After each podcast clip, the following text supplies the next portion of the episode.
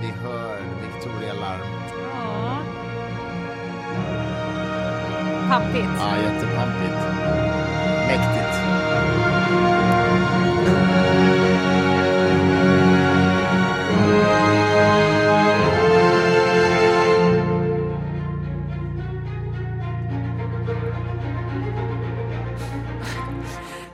Jag var helt Det är du som fick välja musik idag. Jag vet inte vad det här är. paralyserad. Det här är... eh, det här är Nicolas Britell, som är en av mina Komposit- favoritkompositörer just nu Mm. inom filmmusik och tv. Och han har gjort eh, soundtracket också till Succession. Han är verkligen toppen. Han också, jag upptäckte honom när han gjorde filmmusiken till Moonlight, som är en otrolig film. Eh, när, av en första anblick kan man tänka, hur woke kan det bli ungefär? Men eh, det var... Det är bland de filmerna under, under modern tid, jag att säga, som jag är jättegammal, som berört mig mest. Eh, nu ska inte jag prata om Moonlight. Jag vill däremot prata kort om den här filmen som musiken kommer ifrån, som heter Vice. Eh, Om vicepresidenten. om Dick Cheney. Dick Cheney. Ja, ja. Den har vi ju sett. Vi har inte gjort det, du- du och jag tyvärr. Nej. Eh, Men jag har sett den väldigt många gånger. Men jag har för mig att du har sett om den med mig. Nej, jag har i alla fall sett den. Ja, jag, Jag vet att du har sett den. Jag har däremot bett dig flera gånger att vi ska se den och då säger du nej, för den har vi ju sett. och då förstår inte jag varför det är ett problem. Nej, precis. Jag vet. För du kan se samma sak hur många gånger som helst. Hur många gånger? Jo, faktiskt. Ja, nästintill. Hur många gånger har du sett hit den här senaste veckan? Det säger jag inte, för då får jag inte leva fri och ute i världen mer. Skål! Skål, ja. jag vill prata mer om Vice. Vår härliga fredagschampagne. Mm. Mm, gud, vad gott. Okej, jag ska bli... Jag ska blotta mig lite grann om den här filmen Vice. Därför att eh, jag vet inte varför den klickade så hårt i mitt medvetande. Eh, den kom när jag var ganska nyseparerad. Och eh, då är det alltså ungefär ja, men, över ett år innan vi träffas, du och jag. Och eh, jag flyttade då till en, eh, en andrahandslägenhet och eh, jag följer ju alltid med vilka filmer som kommer ut och sådär. Och jag ser trailern till den här filmen om Dick Cheney. Och jag blir bara helt uppslukad av vad det här kommer vara för sorts, tror jag, erfarenhet. Jag tror att den här filmen är, är fantastisk. Mm. Och sen när jag väl ser den så tyckte jag verkligen att den var otrolig också. Och jag går runt mycket på dagarna och lyssnar på filmmusik från den. Och sen förstår jag att mitt, eh, min fascination för den här filmen kanske har gått lite överstyr när jag pratar med min mamma om den här filmen. Och då inser jag att jag pratar så varmt om Dick Cheney så att min mamma säger om vilken fantastisk människa. det var ju inte att han var fantastisk, för det var han ju verkligen inte. Det var ju bara att jag på något vis satte ihop Dick Cheney som person med hur bra filmen var. Eh, och han spelas... Den var ju bra. Ja, den var ju verkligen bra. Eh, han spelas ju av Christopher Bale, Chris, Christian Bale menar jag, som spelar Batman, vilket var väldigt bra casting. Han i fat suit. Mm, just det. Och man, jag minns den här scenen när George Bush försöker övertala honom att ta jobbet. Eller hur? Ja, precis. Eller, ja, ehm, först är det ju så att Dick Cheney får i uppdrag av George Bush, eh, den, den yngre då såklart, att hitta en vicepresident. Och eh, då säger Dick Cheney, det ska jag absolut se till att hitta. Eh, jag ska bara ge mig ut där och se vilket underlag vi har. Hur ser urvalet ut? Och sen kommer han ju tillbaka till Bush och inser att, säger då till honom att jag insåg att det finns ingen mer kvalificerad än jag tyvärr. så det är så det är. Det är jätteroligt Ja. i och för sig. Men han ser också då att George W. Bush kan bli den här eh, köttdockan som han bara kan använda ute i världen. Han kan bli mm, den marionetten som Dick Cheney eh, gör precis. Ja, allt, allt det han har drömt om att göra politiskt själv kan han nu använda George till. Och det är så det blir också, enligt filmen i alla fall. Nu var han ju inte ensam om att använda stackars George, de var ju ett helt team. Donald Rumsfeld till exempel och ja, nu minns jag Scalia som var den tidens, en av de högsta Ja, domstolen-domarna det. på Ja, den tiden. det. Anthony Scalia. Scalia, Mm, precis. precis, konservativ. Ja, visst, ja, visst. De var ett järngäng där. De var ett järngäng. Nu har ju Högsta domstolen blivit mycket, mycket värre än vad den var då. För nu är det ju en stark majoritet av de här riktigt konservativa. Och det var inte det då? Är du säker på det? Ja, jag inte hundra, men det är, inte så stor majoritet som nu i alla fall. Om det ens var majoritet. Nej, nej, nej.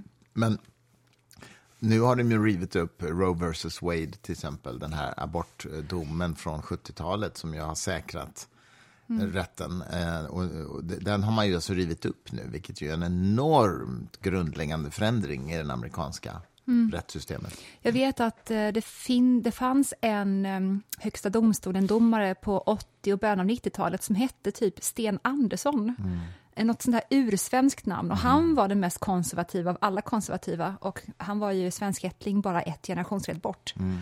Jaha, wow, häftigt. Ja. Du, eh, vi ska ju faktiskt ut och äta din födelsemiddag ikväll. Några dagar för tidigt förvisso. Eftersom du fyller år den 14 mars. Men eh, du ska åka bort, så vi äter din födelsemiddag ikväll. Ja. På Miss Von i Stockholm. ja. Det är gott.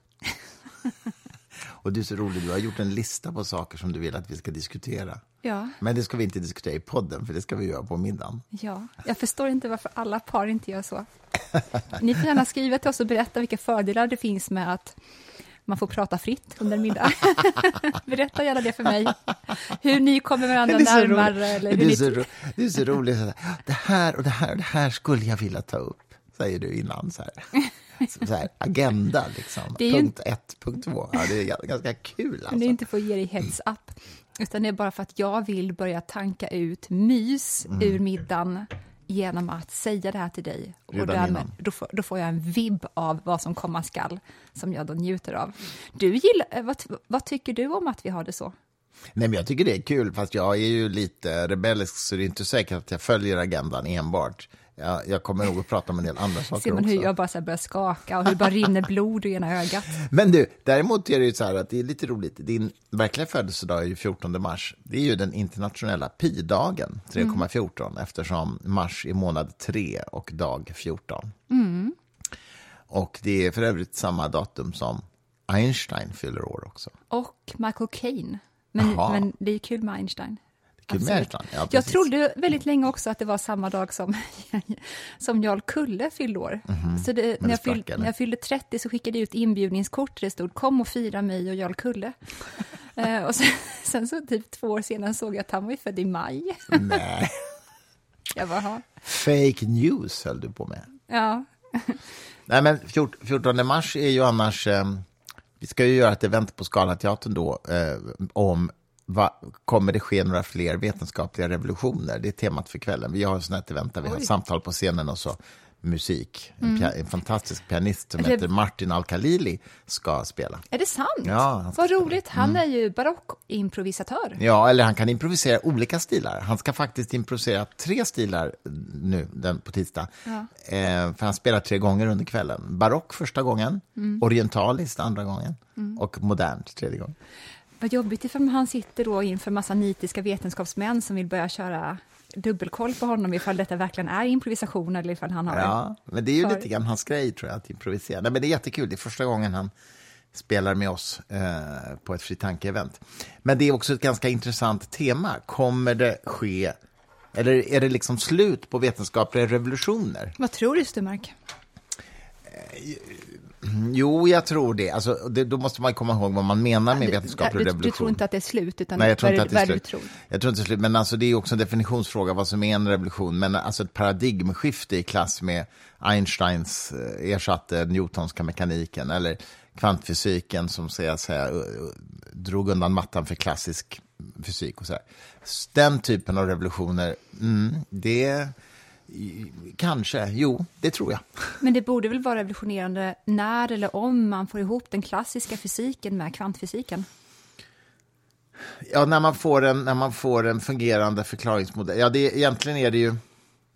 Ja, det kan man säga i någon mening. Man måste få ihop gravitationen och kvantfysiken och relativitetsteorin och det går inte ihop idag. Nej. Eh, och, och sen måste man ju på något sätt förstå det här intuitivt så att det är en rimlig verklighetsbeskrivning. Varför måste man förstå det?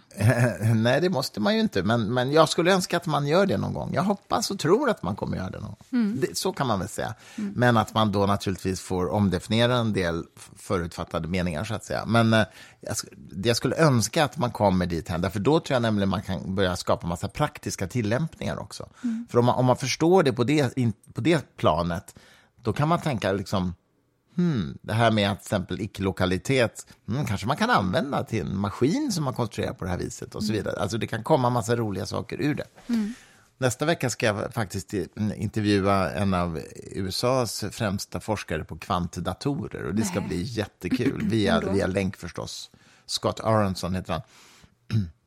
eh, jag, alltså jag kan ju en del om kvantfysik, men jag kan väldigt lite om kvantdatorer. Jag, jag vill verkligen fråga honom hur fasen det funkar. Alltså. Mm.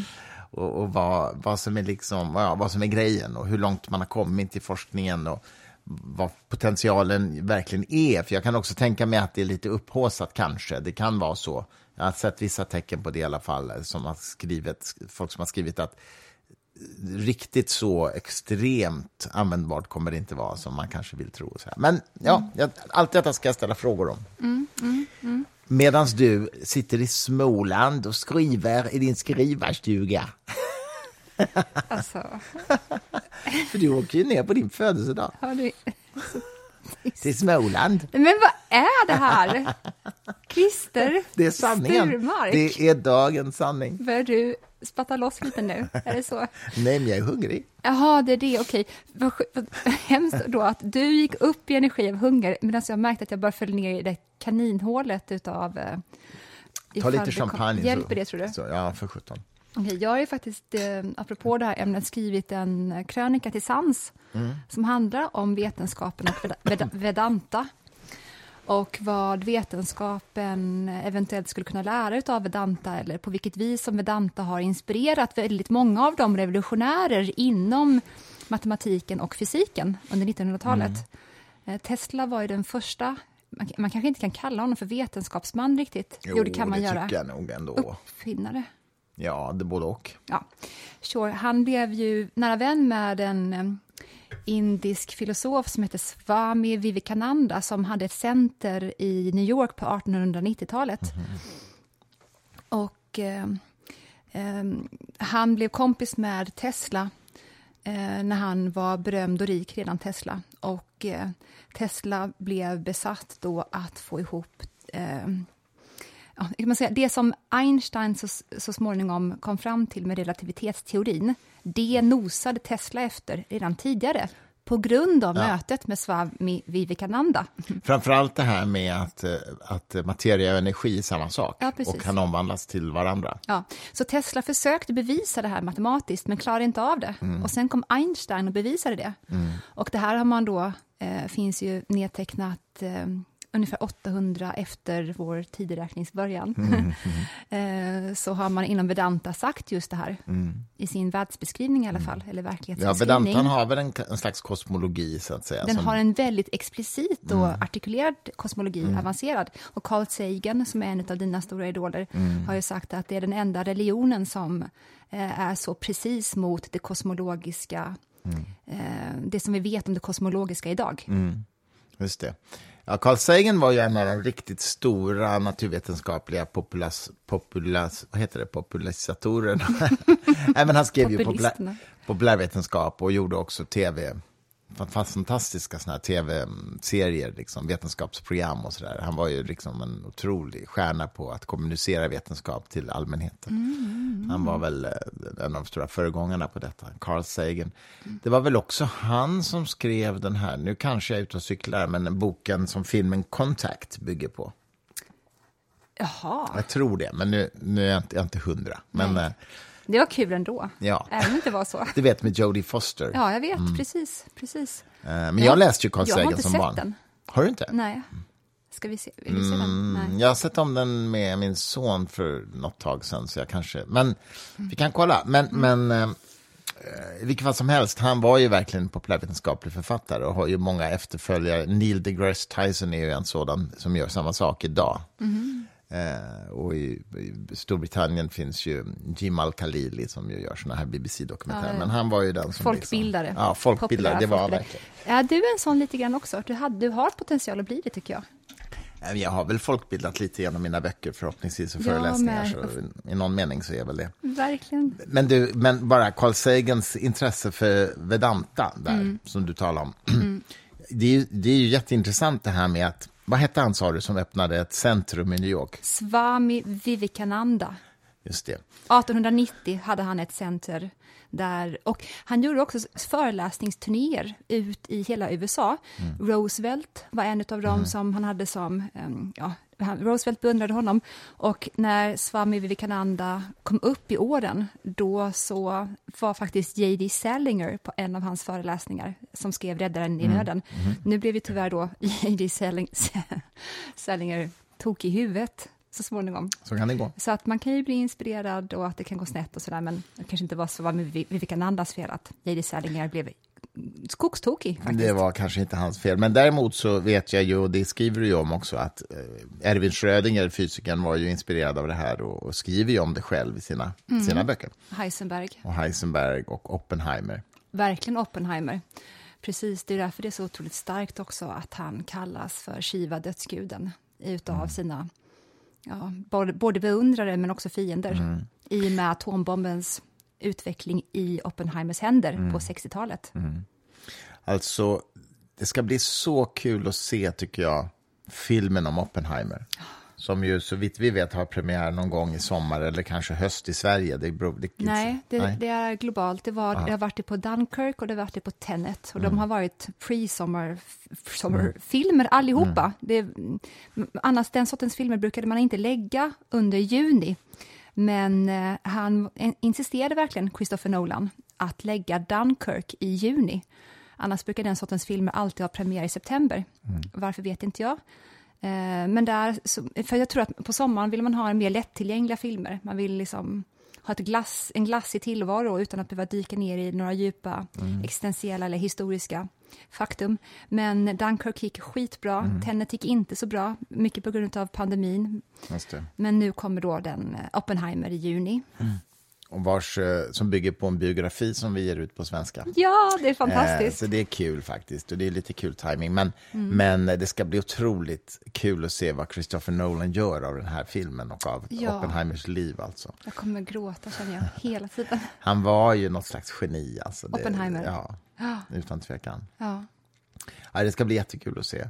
Mm. Det var, han, lock, han var ju en av flera som också efter andra världskriget kom att jobba med den här kapplöpningen om att bygga eller utveckla liksom kärnvapen, helt enkelt. Absolut. Och nu har vi tyvärr en situation där det är ett, ett mycket reellt hot med tanke på Rysslands agerande. Precis, det var någon av våra judiska vänner som sa till mig att eh, har du någon gång övervägt tanken att ifall inte Hitler hade fått så många judar att fly under han tog makten eh, 34 eller 33 i Tyskland. Om inte så många av den intelligentian, mm. som då var judisk, hade behövt fly från Centraleuropa, då hade Hitler haft kärnvapen i sina händer eh, ja. under andra världskrigets början. För att man var på gång då, under ja. 30-talet redan, att ta fram mm. den här sortens massförstörelse. Mm. Men de försvann, och många av dem så småningom hamnar ju då i USA. Mm. Princeton framför allt. Det där är ju, jag har inte tänkt på det, det är ju verkligen en läskig tanke. Ja. Att om han hade varit lite mildare ja. mot, mot det judiska så kanske de hade stannat kvar och så att säga ja. jobbat i sitt lands tjänst. Ja. Ja, visst, precis. Eller, eller de kanske hade blivit tvingade till ja, det också. Till mm. Som många blev i Sovjet. Det gick inte att fly, utan var Nej. du en eh, högutbildad, intelligent person så var du tvungen att producera ja. till statens favör. Mm. Ja, det är ju en otroligt obehaglig kontrafaktisk eh, tanke. Det har ju skrivits några litterära verk som är sådär kontrafaktiska. Jag, jag kommer inte ihåg vad de heter nu, men Mannen i tornet, eller vad är det? Det finns någon sån här bok som handlar om att nazisterna Robert- vann. Ja, Robert Harris har gjort det också. En av hans genombrottsböcker är kontrafaktisk. Mm. Och den handlar om att Tyskland vann kriget. Mm. Robert Harris, som för övrigt också var talskrivare till Tony Blair.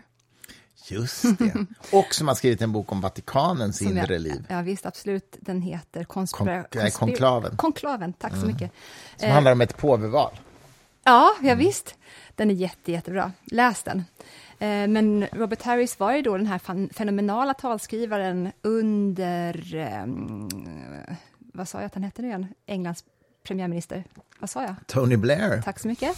Och sen då när Tony Blair då var den här vekingen under George Bush och eh, sa ja till att backa upp dem i kriget i Irak, då avgick han som talskrivare till Tony för att han ville inte hjälpa till med detta. Och då sa han till sin fru, vad ska jag göra nu? Och då sa hon, du kan prova att skriva en bok.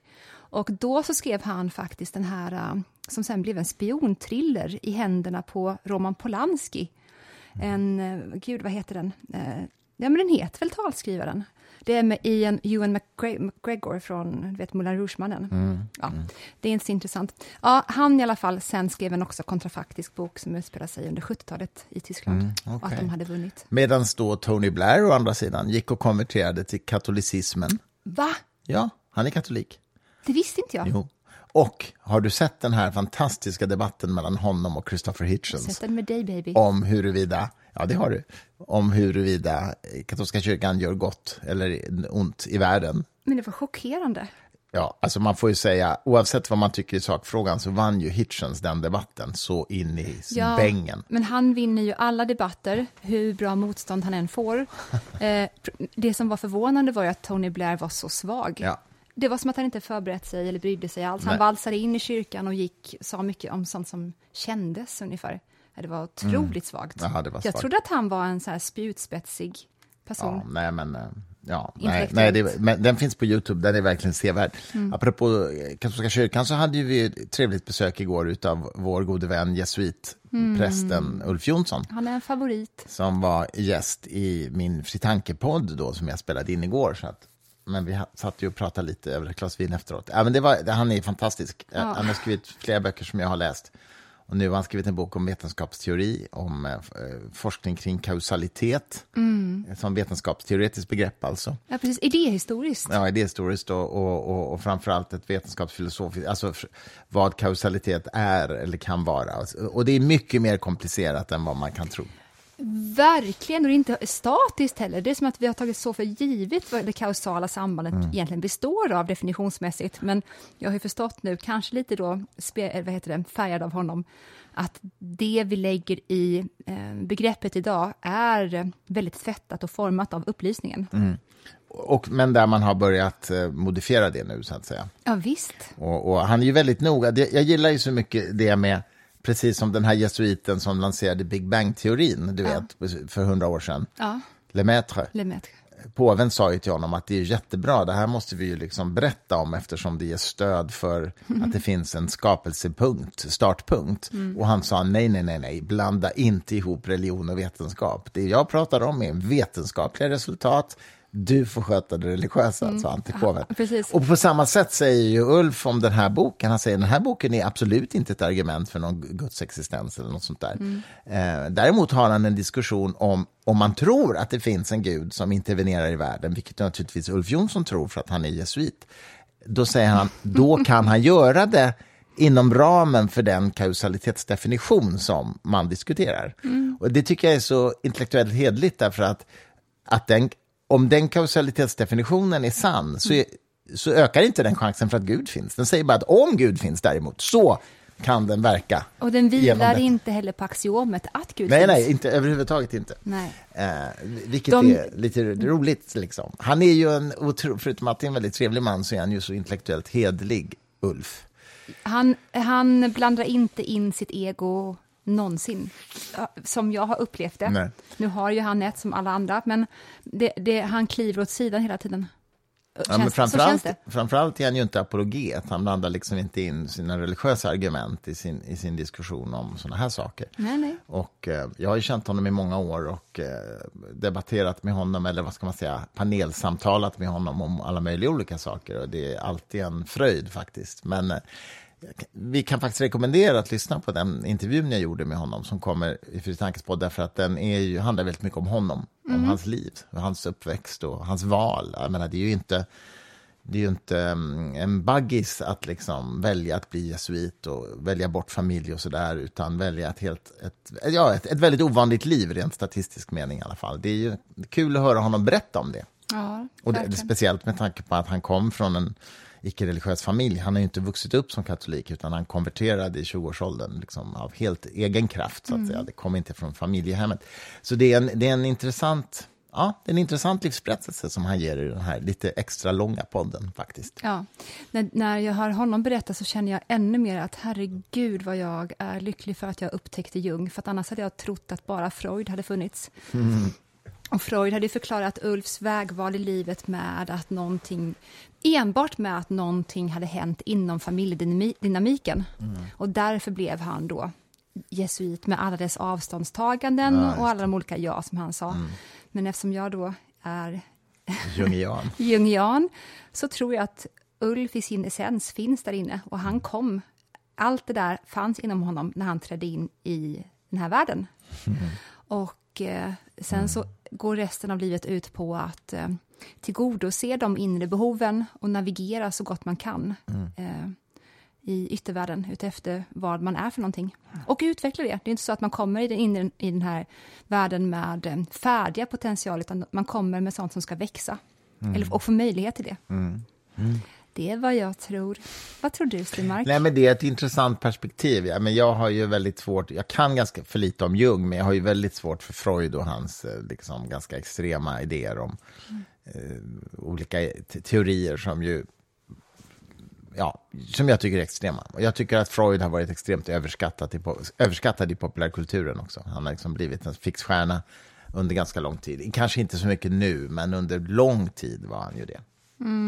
Jag kan tänka mig att eh, det finns många likheter mellan Freud och vinkretsen, faktiskt.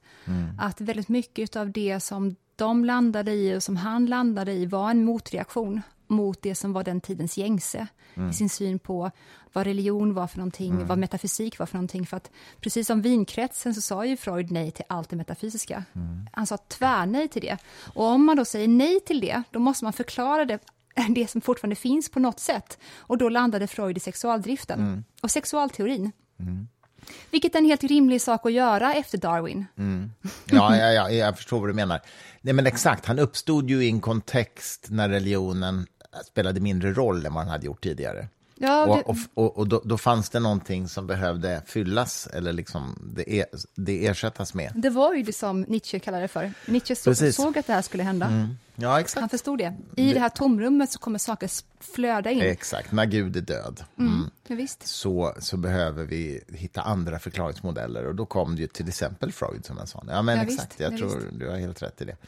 Eh, och, och, och jag skulle inte, vad heter det, jag skulle inte vilja säga att han inte haft någon betydelse. Jag tror att han hade fel i väldigt, väldigt mycket, men han har ju naturligtvis haft en betydelse för tanke, de tankar som växt fram sen. Bara det att han var den som torgförde det undermedvetna som begrepp är ju extremt viktigt och signifikant, signifik, fi- Signifikant.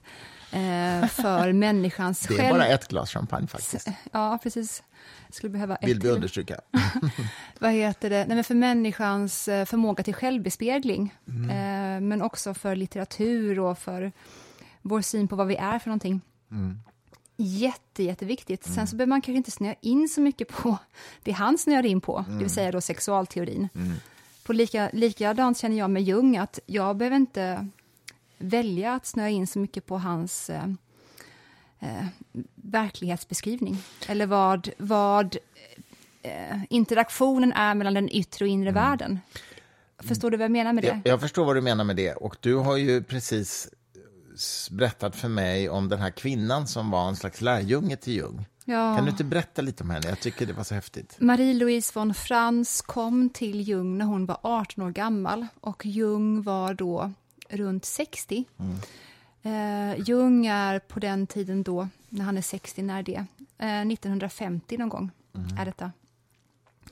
Jung är då en äldre man. Han, eh, hans potens är inte lika närvarande i det han gör. Han, han är inte där för att erövra världen längre. Det är inte det han håller på med. Han är som en farbror som går runt och tänker och skriver.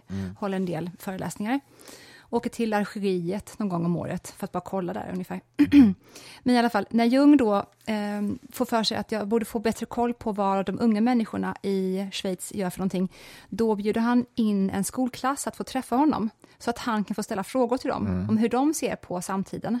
Och där i den här skolklassen så finns då den här 18-åriga Marie-Louise von Franz. Hon föddes i Tyskland utav eh, eh, schweiziska föräldrar. Eh, och hon återvände då till Zürich när hon, eller återvände, hennes föräldrar tar henne till Zürich när hon är några år gammal. Eh, jag försöker tänka på vad det är som de pratar om, om det här första mötet och jag tror det är, jo nu minns jag, eh, det här kommer du inte gilla. Eh, Jung berättar för den här gruppen ungdomar om en av sina patienter som var övertygad om att hon under natten hade varit på månen. Och eh, då säger Marie-Louise till Jung efter att han har berättat klart om den här patienten. Ja, ah, du menar att hon fantiserade om att hon var på månen? Och då tittar Jung på henne och säger nej, hon var på månen. och då menar såklart inte Jung månen i den yttre världen. Nej, nej, nej. För den yttre världen, det, där är månen bara för oss en rund lysande fläck. Eller så är det halvmåne eller så är det en skärva. Han menar att det finns en inre måne. Den hade hon varit på. Den yttre månen är en form av... Eh, Den fysiska månen ja, hade, han- hade hon inte varit på. nej, den såklart. yttre, nej, precis. Men han tror, att det, han tror på riktigt att det finns en inre. Eh, Och du menar då egentligen en, hennes mentala eh, idé om månen, eller föreställning om månen? Är Det den här, inre? det, här är för långt, det här är för långt att ta nu. Alltså, vi har ju en podd här, vi, vi kan prata om Okej, jag ska, ja, okej, vi tar det. Korta, det. Vi, kortversionen. Jung var, skulle jag säga, i grund och botten en, en hermetiker. En hermetiker, det är alltså gå tillbaka till ungefär 400 år före Kristus. Och det är en egyptisk tradition från början. Man vet att den är äldre än, än så, men de första sakerna som finns nedskrivna och bevarade är från den här kollektiva personen som kallas för Hermes Trismegistos, som förmodligen var ett samlingsman för, namn för många lärda. I den hermetiska traditionen så tror man att den yttre världen är en spegling av den inre världen. När jag ser på dig just nu så är du en yttre, ett yttre fenomen av någonting som finns i det, även det inre. Eh, om jag tror att när jag rör ditt knä nu, att det är Kristus knä, då är det bara skenet av Kristus knä jag rör. För det finns en Krister som är, man kan nästan säga, ännu mer verklig än det jag ser på. Ja, okej. Ehm, Det här är en hermetisk idé alltså? det är en hermetisk idé, precis. Och det, från hermetismen sprang sen kabbala. Ehm, och jag skulle säga att ehm, ja, men även tarottraditionen och numerologin kommer från detta. Att det yttre är ett sken och eh, vi kan åtminstone se hur det inre ser ut genom, genom våra yttre synintryck. Men det är en slags omvänd version av Platons grotta då? Exakt. Exakt så. Platons idé är snarare att det vi ser med våra sinnen är så att säga, det är bara det våra sinnen ser. Ja, men då är det ju samma sak. Nej, men alltså nej. Platons grotta är ju att det yttre är där ute objektivt, men, men vi ser, sku, vi ser Mm. Ja, det skuggorna det av det. jag eller- menar. Nej, men, nej, men du menar skuggan- att det, nej, det inre är mer verkligt än det yttre, sa du? Exakt. Men Platon skulle säga tvärtom. Nej, det skulle han inte. När de sitter och kollar på grottväggen, du vet hur Platons grotta är utarbetad, eller hur? När jag ser dig nu, du är skuggan. Jaha, okej, jag förstår vad du menar. Okej, all right. Men Platon menade ju ändå att våra sinnen är begränsade. Så att det, De ser skuggorna. Ja, okej, de ser skuggorna. Den av verk- någonting som verkligen Exakt, finns. Men av- det är inte inuti oss, skulle inte Platon säga. Det där som det är skuggor av. Det är inuti grottan i alla fall. Är skuggorna inuti grottan? Nej, det andra är också inuti grottan. Nej, det tror jag inte. Det är det absolut. det är det absolut. Okej, där får vi fråga någon Platon-expert Absolut, om. för att Platon beskrev det så här, att folk sitter och kollar på den här grottväggen. Bakom dem brinner en eld. Mellan elden och människornas ryggar, där går livet. Och det är det som sen blir skuggor på grottväggen. Ja, okej, okej, det här okej. var en Ja. utvikning. Ja, Jag- men det var intressant faktiskt. ja. Det var intressant. I alla fall, Nåväl, den, mm. jag, skulle, jag är övertygad om att även Platon var en, en pjäs i den här kunskapstraditionen Mm. som har med hermetism att göra. Fanns det utbyte mellan grekiska filosoferna och, och liksom... Absolut, Mm. och Egypten. Absolut. Eh, Egypten var under eh, antik tid det land som eh, skickade mest vete eh, Mm. till eh, Mellanöstern och de Mm. övriga länderna i Medelhavet. Mm. Så att utbyte mellan Egypten och Mesopotamien, Syrien, har funnits sedan ungefär, jag skulle säga, mig veteligen i alla fall, någon får gärna säga emot mig, ungefär 800 år före Kristus. Så Intressant. att den, det, de tanketraditionerna har åkt runt, runt, runt. Ah, intressant. Så att, eh, som svar på din fråga, när Jung menade att eh, hon var på månen, då menar han att ja, om vi hade kollat på månen, då gick hon inte runt på den. Ja, just det. Nej, nej, precis. Utan i Jungs värld var hon snarare på den riktiga månen. Ja, jag förstår. Mm. Ja, herregud alltså. Han var en eh, fascinerande person. Mm, det var han. I, I alla fall den här Marie-Louise von Franz då, eh, blir väldigt påverkad av honom. Hon eh, får, får massa drömmar eh, efter det här mötet. Hon går till Jung, hon är modig nog att gå till Jung och säga vad tror du det här betyder, de här drömmarna? För att för Jung så var ju drömmarna en artikulering utav vårt undermedvetna. Det var det undermedvetnas sätt att kommunicera substans som vi kan sortera i och analysera. Och, ett sätt att kommunicera med oss själva, helt enkelt. Så Marie-Louise går då till Jung och säger, kan inte du hjälpa mig att unpackage det här? Och då säger han, och hon säger såklart då, jag har inga pengar. Och Jung säger, men eh, jag har förstått att du kan gammal grekiska och latin, så kan vi inte byta tjänst då? Du översätter till mig och jag analyserar dina drömmar. Så där börjar deras samarbete och hon kommer att bli den em, intellektuella partnern till honom som är med honom de sista 20 åren av hans liv. Nä- Nästan 25 år faktiskt. Otroligt. Em, Häftigt faktiskt. hon får en, ni kan bara söka på henne på Youtube, Marie-Louise von Franz. Hon är jättebra på att prata engelska. Så man behöver det finns intervjuer med henne där. Jätte, ja, och eh, i sitt torn i Bollingen som ligger då bredvid Jungs torn, han hade också ett torn. För de byggde varsitt torn, ett runt och ett fyrkantigt. Ja, Jung byggde sitt först och sen då när. Marie-Louise kom in i hans arbetskrets då uppmanade han henne att köpa en bit mark i närheten av hans han byggde ett runt ett fyrkantigt. Precis. För att, Därför att inom, de var ju intresserade båda två av taoism och Lao Tzus bok, ehm, Dao. I den kinesiska begreppsvärlden om verklighetens utformning så är det så att det ofödda potentialet, the Dao, alltså, när det som inte är något blir något, antar det den runda formen. Så den runda formen står för födselpotentialet. Det är när ingentinget blir någonting. Och som det också står i, eh, i The Tao, eh, The Dao är det som inte gör något, men inte lämnar något ogjort. Så det är både passivt men aktivt samtidigt. Det är en paradox. Eh, Men då är det alltså den runda formen som det står för, det här som jag nu sammanfattade. Och eh, när då någon, ingenting blir någonting, då blir det fyrkanten. Så att materia, det fasta, det är fyrkanten symbol för. Och det var det som då Marie-Louise.